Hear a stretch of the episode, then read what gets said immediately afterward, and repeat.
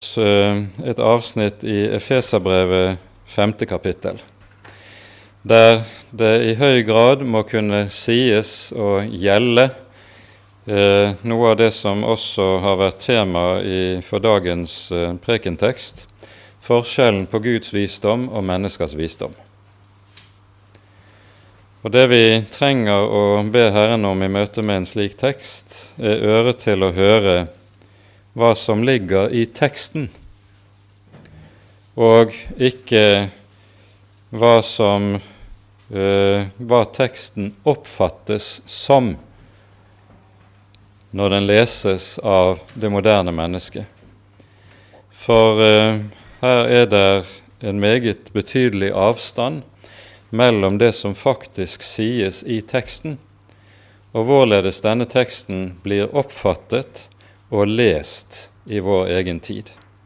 Dette er jo en av de tekstene som gjør at uh, moderne mennesker og uh, ikke minst moderne teologer setter Paulus på sidelinjen og sier og la oss få høre at dette hører til på historiens skraphaug.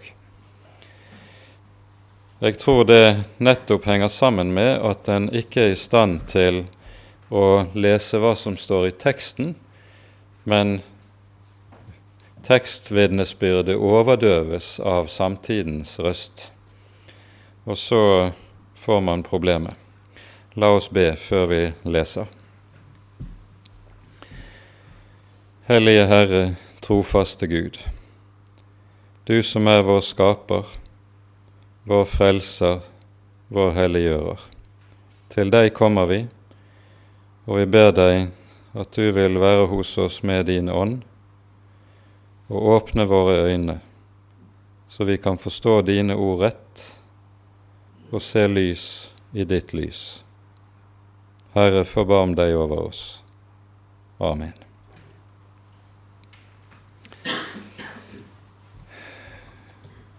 Tekstavsnittet i Feserbrevet 5 fra vers 22 hører med til en av disse tekstene i Nytestamentet som gjerne kalles hustavler der eh, apostelen taler til eh, mennesker i ulike stand, kall og tjeneste, om hva som er deres respektive eh, oppgaver og tjeneste for Herren.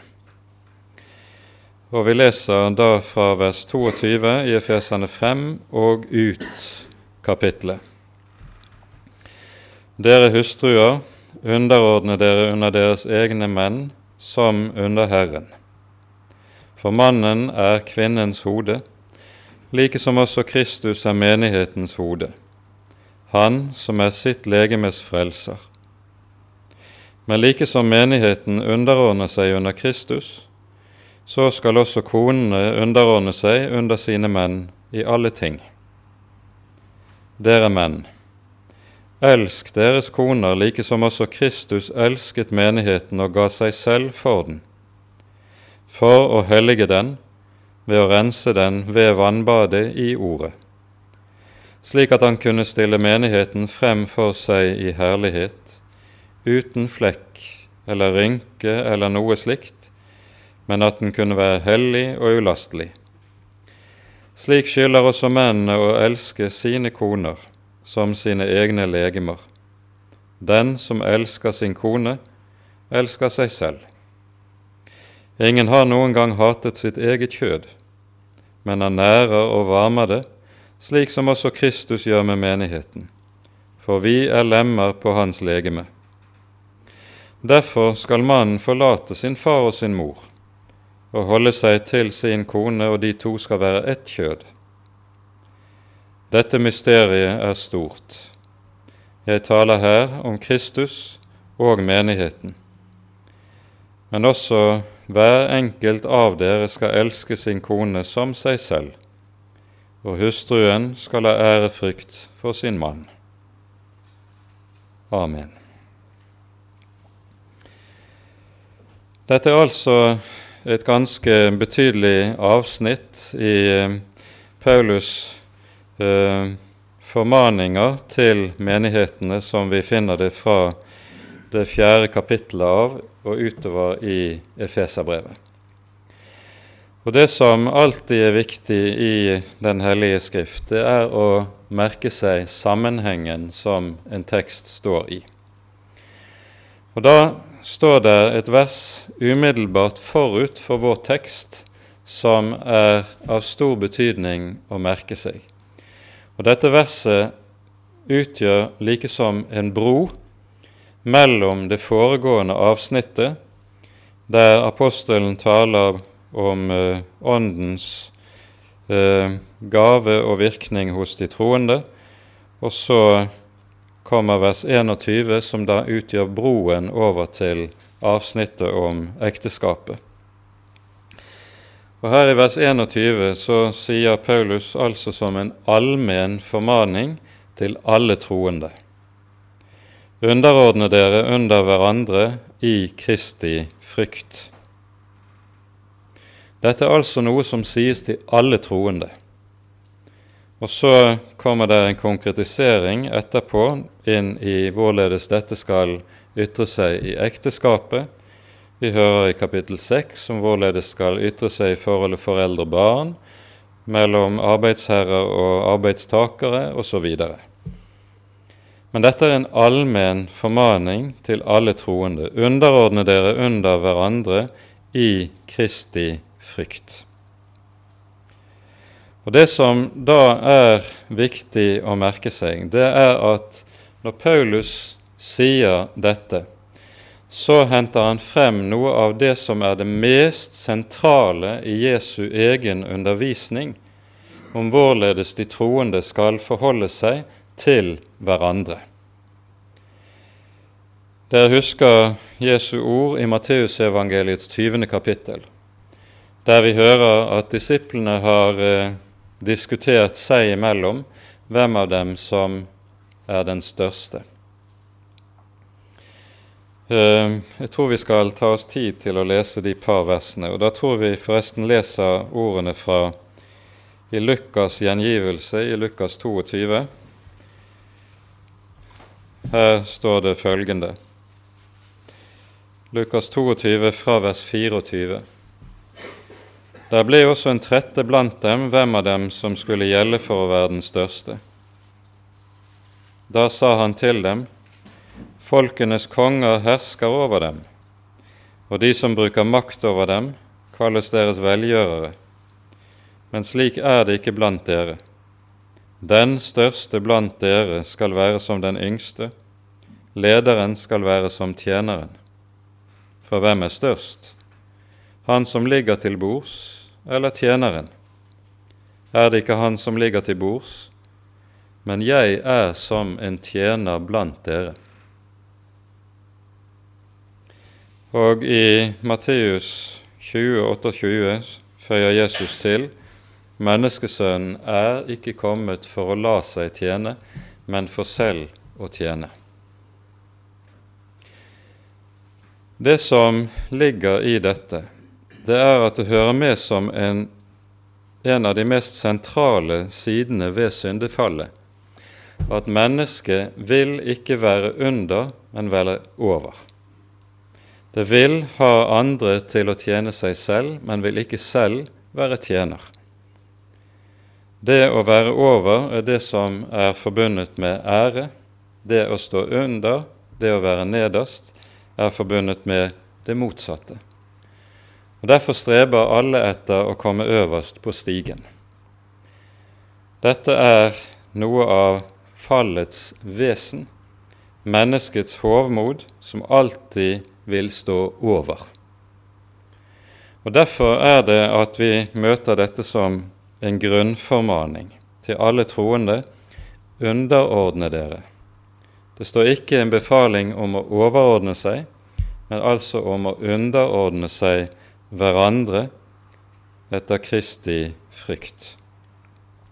Og det er i tråd med dette at Skriften taler om at det å tjene, ikke det å herske, er det som er den kristne grunnideal. Vi hører i 3. Johannes brev om eh, en menighetsleder som eh, ikke har skjønt stort av dette. Han heter Diotrefes, Og han, om ham skriver Johannes at han vil gjerne være den fremste iblant dere. Og så bruker han denne sin stilling som den fremste til å undertrykke alle som er uenige med han. Han bruker makt. Um, det er umulig der dette sinn som både Jesus og Paulus taler om i disse sammenhengene, får gjelde. Underordne dere under hverandre i Kristi frykt. Og Når Peter senere i sitt uh, første brev taler om uh, hva som skal gjelde de som settes til å være hyrder, lærere og tilsynsmenn i menighetene, så sier han uttrykkelig, det er i 1. Peter 5, følgende Vær forbilde for menigheten, ikke som de som vil herske over menighetene. Og det er jo noe vi også vet både fra kirkehistorie og erfaringen. Det er at der herskesyken begynner å gjøre seg gjeldende blant de som er satt til å være hyrder og lærere. Der fører de til den største skade og den største ulykke i menighetene.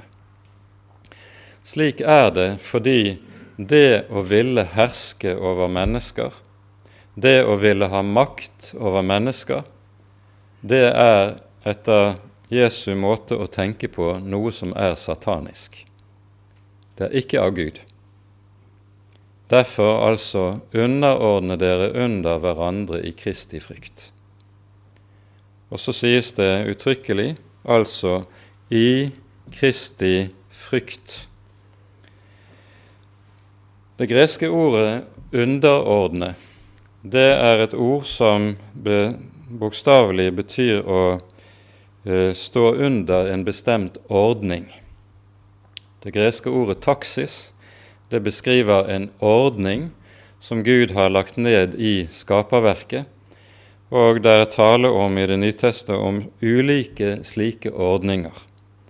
Ekteskapet er én ordning der det gjelder en taksis, en bestemt orden.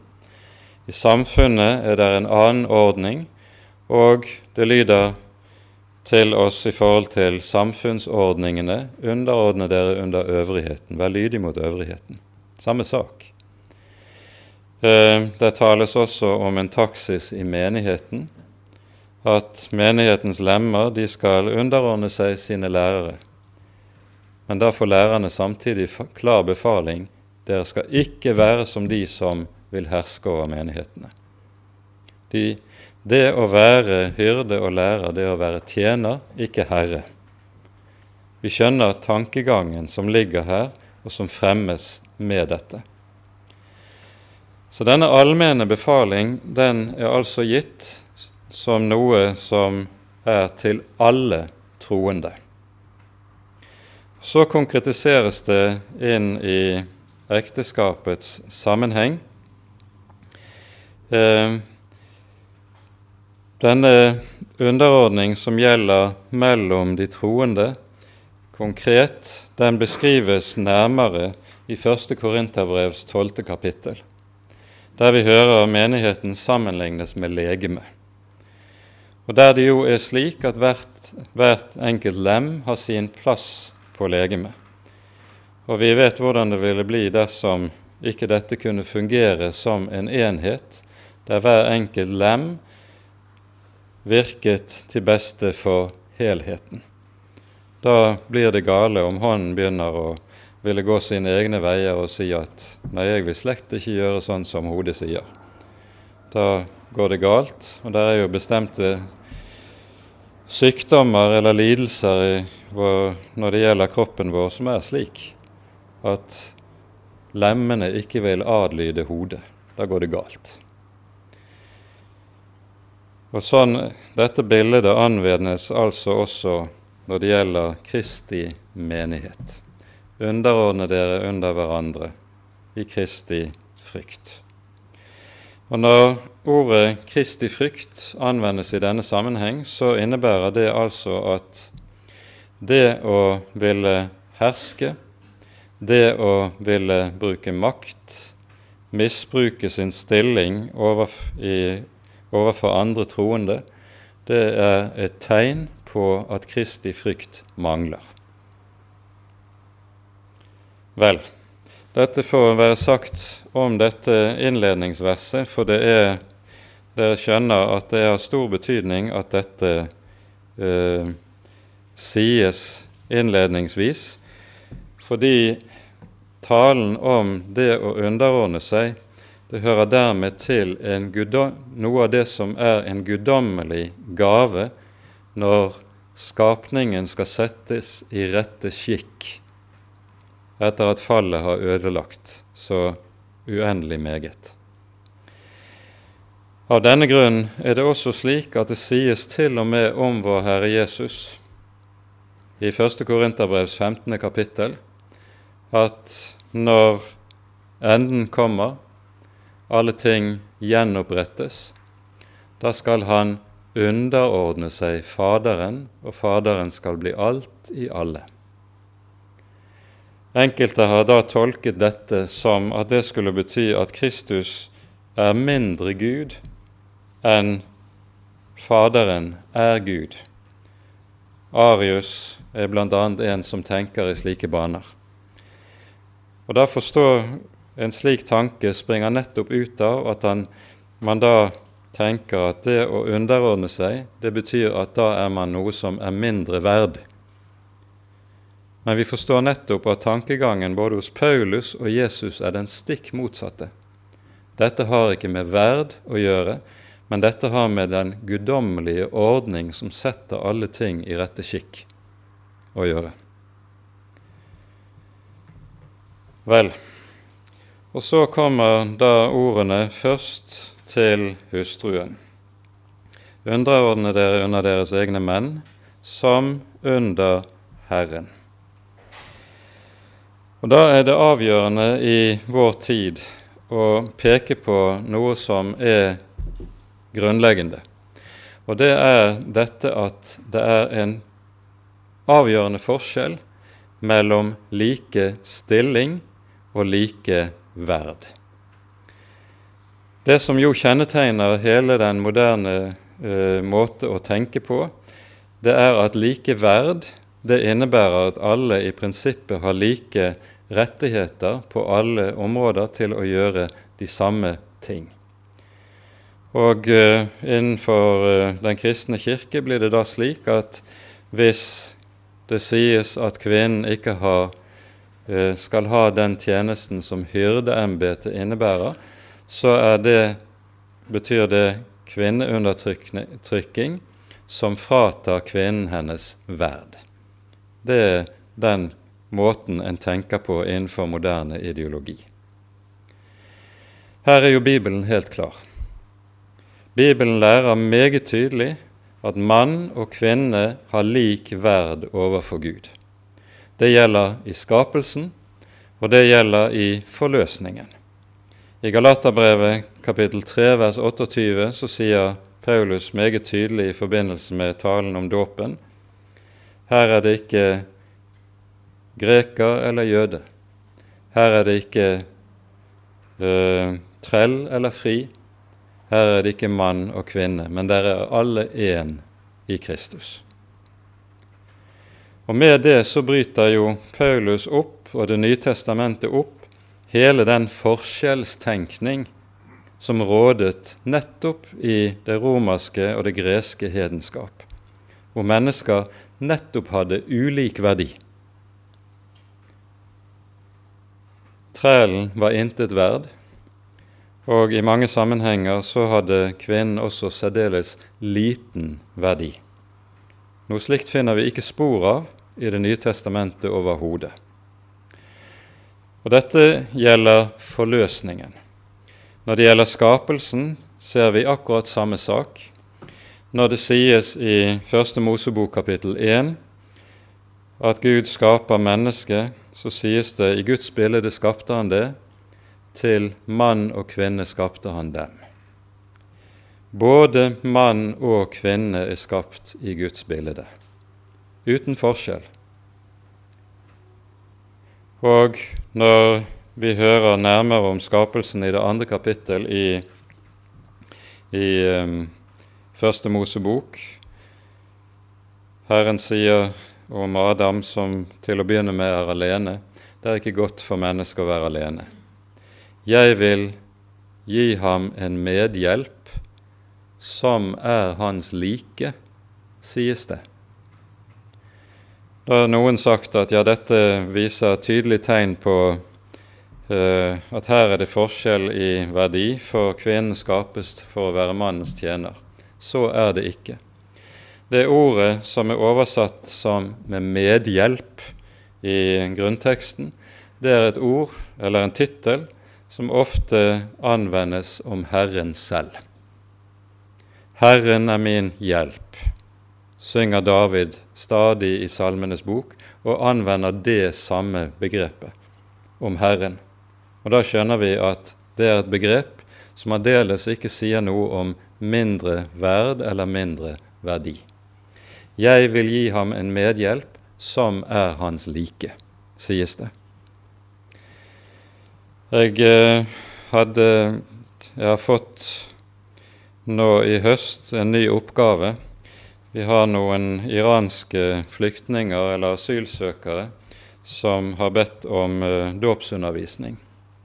En av dem er en voksen kvinne, og vi har begynt på, i undervisningen med bl.a. å tale om skapelsen. Gått gjennom skapelsesberetningen.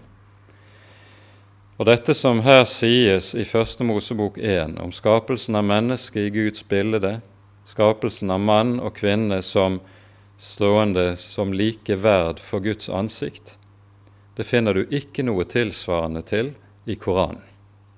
Der er det aldeles annerledes. Og for henne var å høre disse bibelordene her, det var litt av en oppdagelse. Så det sier noe om den forskjell det er på Skriftens budskap og det som gjaldt i samtiden både på Mosetid og i nytestamentlig tid. Og vi merker oss likevel like verd betyr ikke like stilling. For om mann og kvinne er like meget verd, så er mann og kvinne også ulike. Det skal bare et øyekast til å se det. Vi er ulike, og ulikhetene handler jo ikke bare om fysisk ulikhet, men jeg tror også vi på mange måter er forskjellige når det gjelder det mentale. Noe som har med det å gjøre at Gud har tiltenkt oss ulike oppgaver i skaperverket. Og det at vi er tiltenkt ulike oppgaver, det har jo ingenting med verdi å gjøre, men at slik Gud har skapt verden, så er alle ting skapt for å samvirke sammen og slik utfylle hverandre til å bli en helhet. Og det er i dette perspektiv vi må se noe av dette også. Dere hustruer, underordne dere under deres egne menn, som under Herren. Så sies det altså 'som under Herren'. Og det er en ganske sterkt ord. Det som ligger i dette, det er noe som Paulus er inne på i Kolosserbrevet i det tredje kapittel. Jeg tror vi tar oss tid til å lese dette verset, for det er et vers som setter eh, hele det kristne liv i et bestemt perspektiv.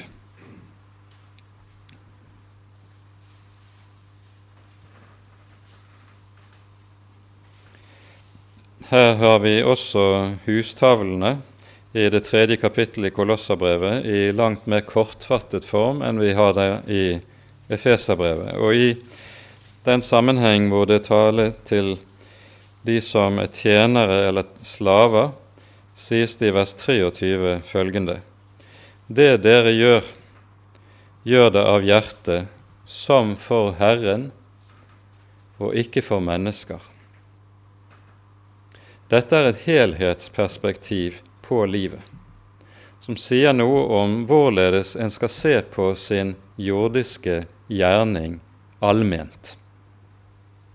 Det jeg gjør, det gjør jeg ikke kun for mennesker, men i mitt daglige kall, enten det handler om det jeg er satt til å gjøre i mitt arbeid, eller i mitt hjem, eller det er i andre sammenhenger der jeg har en oppgave, så sies det 'gjør det som for Herren'.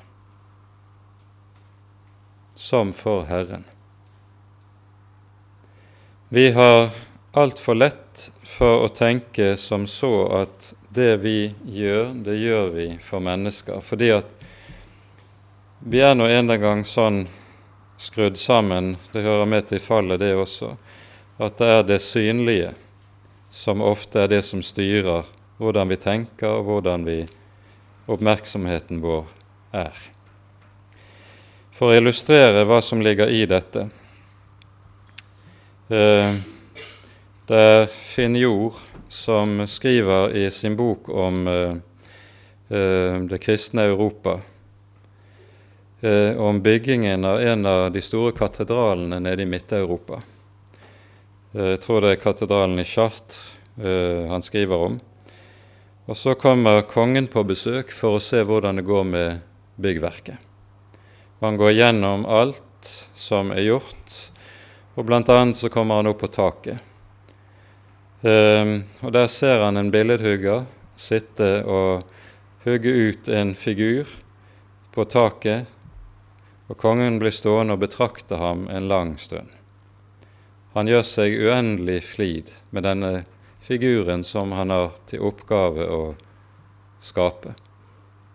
Og til slutt spør kongen hans hvordan i alle dager kan du bruke så mye tid, gjøre deg så megen flid på noe som ingen kommer til å se noen gang? Det kommer jo aldri til å være et menneske som går rundt her oppe på taket. Og billedhuggeren svarer stillferdig Gud ser det som for Herren, sies det. Det er et perspektiv som på livet og det som er gjerningen i livet, som på en måte utvider hele bildet vårt fra det som ofte er smålige menneskelige hensyn som vi lar oss fange inn i. Dere hustruer, Underordne dere under deres egne menn, som under Herren. For mannen er kvinnens hode, like som også Kristus er menighetens hode, han som er sitt legemes frelser. Og Det som så nå følger i vers 23, det er den taksis, den ordning som Herren har satt inn i skaperverket når det gjelder forholdet mellom mann og hustru i ekteskapet. I det det her er slik at apostelen berører eh, den sak han kommer tilbake til i slutten av kapittelet, nemlig når han sier like som Kristus er menighetens hode. Dette forholdet mellom mann og hustru i ekteskapet, det er et bilde. En avbildning nemlig av forholdet mellom Kristus og menigheten. Det er tankegangen. Og når dette bildet brukes med hode og legeme, så er dette i prinsipiell forstand nøyaktig det samme som vi hører når Paulus taler om menigheten og lemmene i menigheten. Det taler om et bilde der det er slik at de ulike lemmer er satt til med hver sin gjerning med hver sin tjeneste og utfylle hverandre. Men så må man spørre seg hvorfor brukes dette ordet 'underordne seg'? For det er jo et ord som klinger så ubehagelig i den tiden som vi lever i, og vi vet hvordan det siteres også. Hva er grunnen til at dette ord anvendes? Jeg har nevnt grunnbetydningen av ordet, det har med en bestemt orden å gjøre. Men det som er bakteppet for dette, er hele tiden syndefallet. For syndefallet gjør jo også noe alvorlig med forholdet mellom mann og hustru. De to som var skapt til å leve sammen i gjensidig kjærlighet gjennom sine ulike oppgaver, sine ulike, sine ulike utrustning og forskjeller, og utfylle hverandre. Der er det blitt slik at det altfor ofte i stedet blir maktkamp.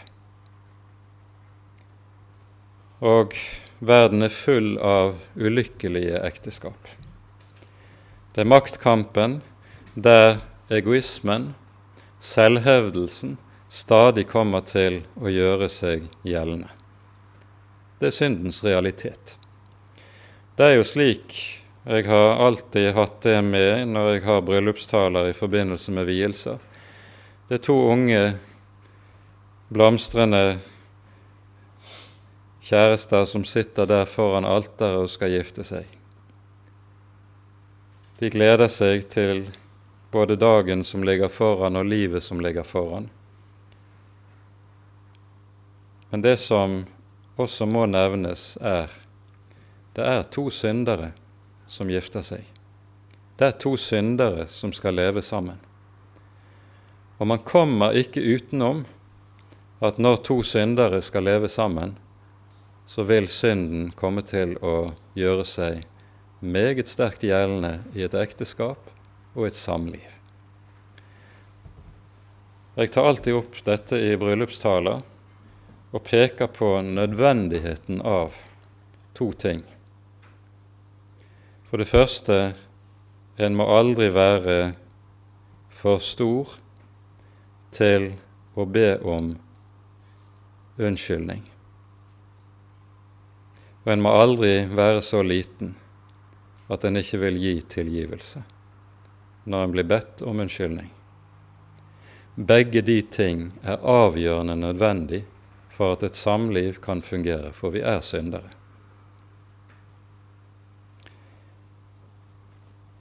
I et samliv og samlivet mellom syndere, der vil altfor ofte denne maktkampen som selvhevdelsestrangen eh, skaper, komme til å gjøre seg gjeldende.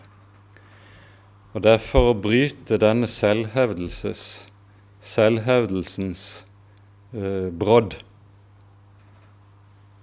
at ordet lyder 'du skal underordne deg'. Og så skal vi merke oss det sies ikke noe sted, verken her eller andre steder i Det nye testamentet, til mannen du skal overordne deg. Det sies ikke noe sted. I stedet for mannen en formaning som sannelig er over evne. Hva er det som sies til han? Det sies ikke bare 'elsk deres koner'. Det lyder allment, og man kan likesom uh, legge nesten hva man vil i et slikt ord. Men det sies Elsk deres koner like som Kristus elsket menigheten og ga seg selv for den. Det nye testamentets hovedord for kjærlighet, det er ordet agape. Det er tre eller fire ord på, i gresk språk som ofte kan oversettes med kjærlighet. Ordet agape var meget uvanlig i sekulær språkbruk. Når en skulle tale om kjærlighet, så brukte man enten et ord som har med erotikk å gjøre, altså det beskriver den seksuelle kjærlighet, eller man hadde et noe svakere ord, eh, filein er ordet, som betegner den naturlige familiekjærlighet eller den hengivenhet som kan være mellom nære venner. Men det greske ordet agape, som altså er uvanlig i sekulær gresk, det betegner en kjærlighet som har det med seg at den ofrer seg selv. Den ofrer seg selv. Og det er jo det som er kjærlighet i Skriften. Jesus, når han taler om sin egen selvhengivelse for disiplene, så sier han ingen har større kjærlighet enn denne at han gir sitt liv for sine venner. Og Da har mannen sannelig fått en oppgave å strekke seg etter. Du skal elske din hustru like som Kristus elsket menigheten. Han ga seg selv. Han la livet ned for menigheten, for å vinne menigheten. Da blir det ikke mye anledning verken til for herskesyke, for maktmisbruk, aller minst for vold, som vi kan høre om i en del ekteskap. Den slags vil det overhodet ikke være rom for. For det er jo dette som er mannens kall og oppgave, det å gi livet for sin ektefelle og for familien som hører sammen med det.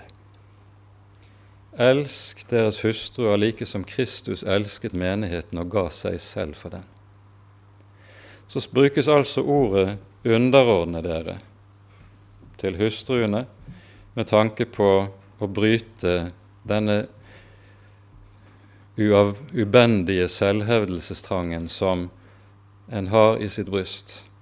Og så brukes et annet ord til mannen, men som har nøyaktig samme mål å bryte selvhevdelsestrangen. Elsk deres hustruer like som Kristus elsket menigheten og ga seg selv for den. Da er ikke det mye mulighet for mannen til å gjøre seg stor og misbruke sin posisjon eller sin fysiske overlegenhet. For det er jo det som et godt samliv dreier seg om. Det dreier seg om dette at mann og hustru gir seg selv til hverandre og er villig til å ofre.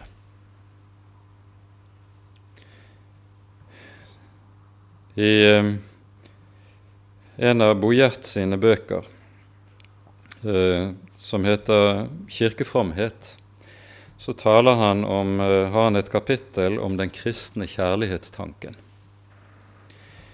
Uh, og han går igjennom denne uh, historisk i sammenheng med utviklingen av synet på ekteskapet i det moderne Europa. Han tar utgangspunkt i fremveksten av det som han kaller for det romantiske kjærlighetsideal. Og Fremveksten av dette romantiske kjærlighetsideal, mener Bojerts, kan tidfestes ganske nøyaktig. I 1799 så utgis der en bok som heter 'Lucinde', skrevet av en tysk romantisk forfatter ved navn Friedrich Schlegel. Eh, og Den handler da om den ulykkelige kjærligheten mellom to unge, den meget tåredryppende affære. Men denne boken leses i årtiene etterpå av de unge i de øvrige lag og klasser i, rundt omkring i Europa og fører til en bølge av selvmord blant ungdom. Man får ikke den man elsker, og så får du denne ulykkelige konsekvensen. Tankegangen her er at det eneste gyldige og legitime grunnlaget for ekteskap og samliv, det er den romantiske kjærlighet, som ytrer seg i forelskelsen. Konsekvensen dras også av dette allerede på 1800-tallet, selv om det ikke får eh, følger for lovgivningen før vi kommer ut på 1900-tallet. Nemlig at der den romantiske kjærlighet blir borte, der forelskelsen blir borte, der er også grunnlaget for ekteskap og samliv vekke. Følgelig kan man skille seg. Eh, det er denne romantiske kjærligheten som eh, Hollywood alltid har tegnet. Med de to elskende får hverandre til slutt og rider sammen inn i solnedgangen. Og De forteller ingenting om hva som skjer etterpå. Det kommer barn, det kommer sykdom, det kommer bleievask, det kommer våkenetter. Da er det ikke så mye plass for romantikk og blomstrende forelskelse. Men da trengs det noe annet. At en er villig til å gi seg selv, til å stille opp, også når det røyner på som verst. Og Da bruker Bibelen et annet ord for å beskrive det, og det er ordet trofasthet. troskap. I ordspråkene sies det slik et sted Mang en mann roper høyt, hver om sin kjærlighet. Men hvem finner en trofast mann? Det er så lett å tale de store og blomstrende ord om kjærligheten. Men kjærlighet viser seg i viljen til å ofre seg selv og trofast stå ved når det røyner på, ikke bare i uker og måneder, men kanskje i år. Det er kristen kjærlighet, det er troskap. Elsk deres hustruer like som Kristus elsket menigheten og ga seg selv. Kjærlighetens innhold beskrives som dette å gi seg selv, viljen til å ofre. Og Da skjønner vi, hvis vi leser disse to formaningene, først til hustruen og deretter til mannen, så gir ikke Paulus veldig mye rom for gamle Adam i dette.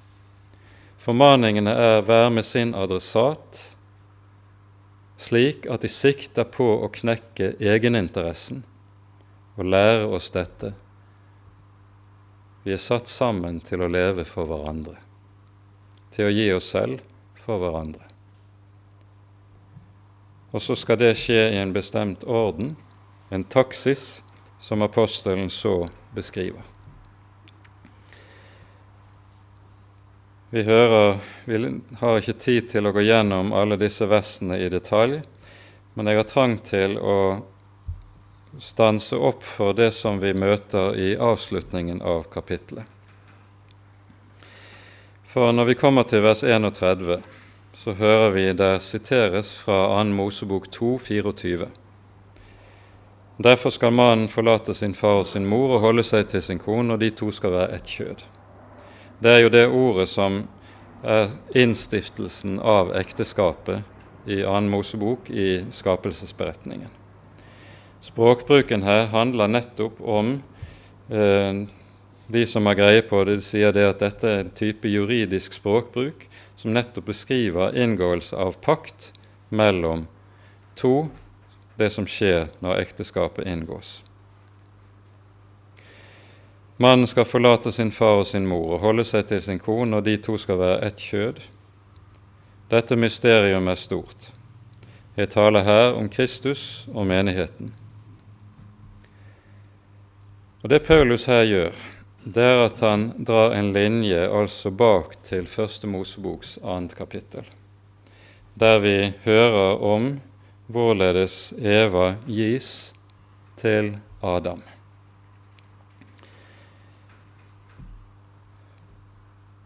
Etter at Herren nemlig har sagt 'Jeg vil gi ham en medhjelp som er hans like', så hører vi at det først fører, Herre, først fører Herren alle de ulike dyr frem for Adam for å se hvilket navn han ville gi dem, sies det.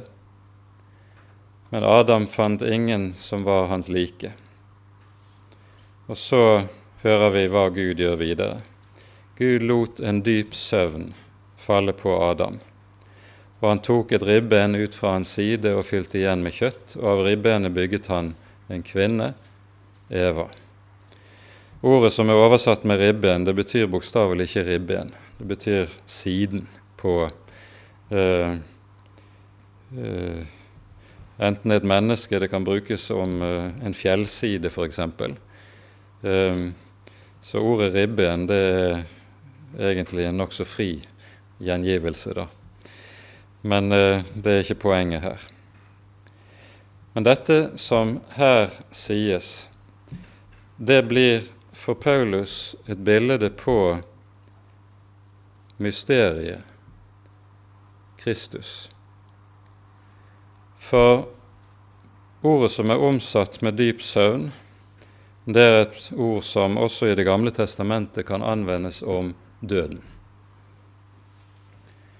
Og så skjønner vi vår Herre Jesus Kristus ble lagt hen i døden. Hans side ble gjennomstunget, og ut av siden så springer det vann og blod, hører vi og menigheten skapes. Og når Adam våkner opp igjen, så bryter han ut. Her er endelig kjøtt av mitt kjøtt, ben av mine ben.